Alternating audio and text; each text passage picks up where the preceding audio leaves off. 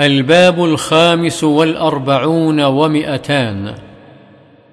باب ذكر الله تعالى قائما وقاعدا ومضطجعا ومحدثا وجنبا وحائضا.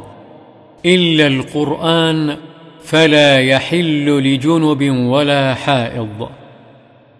قال الشيخ الألباني رحمه الله هذا الاستثناء ليس فيه حديث يصح.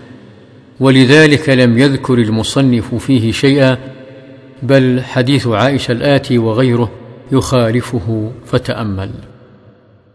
وعن عائشة رضي الله عنها قالت كان رسول الله صلى الله عليه وسلم يذكر الله تعالى على كل أحيانه. رواه مسلم.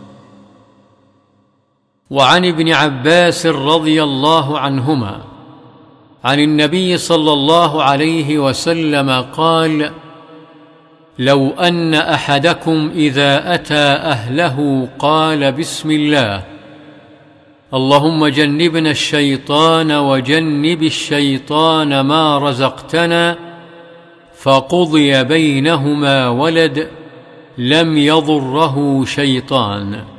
متفق عليه.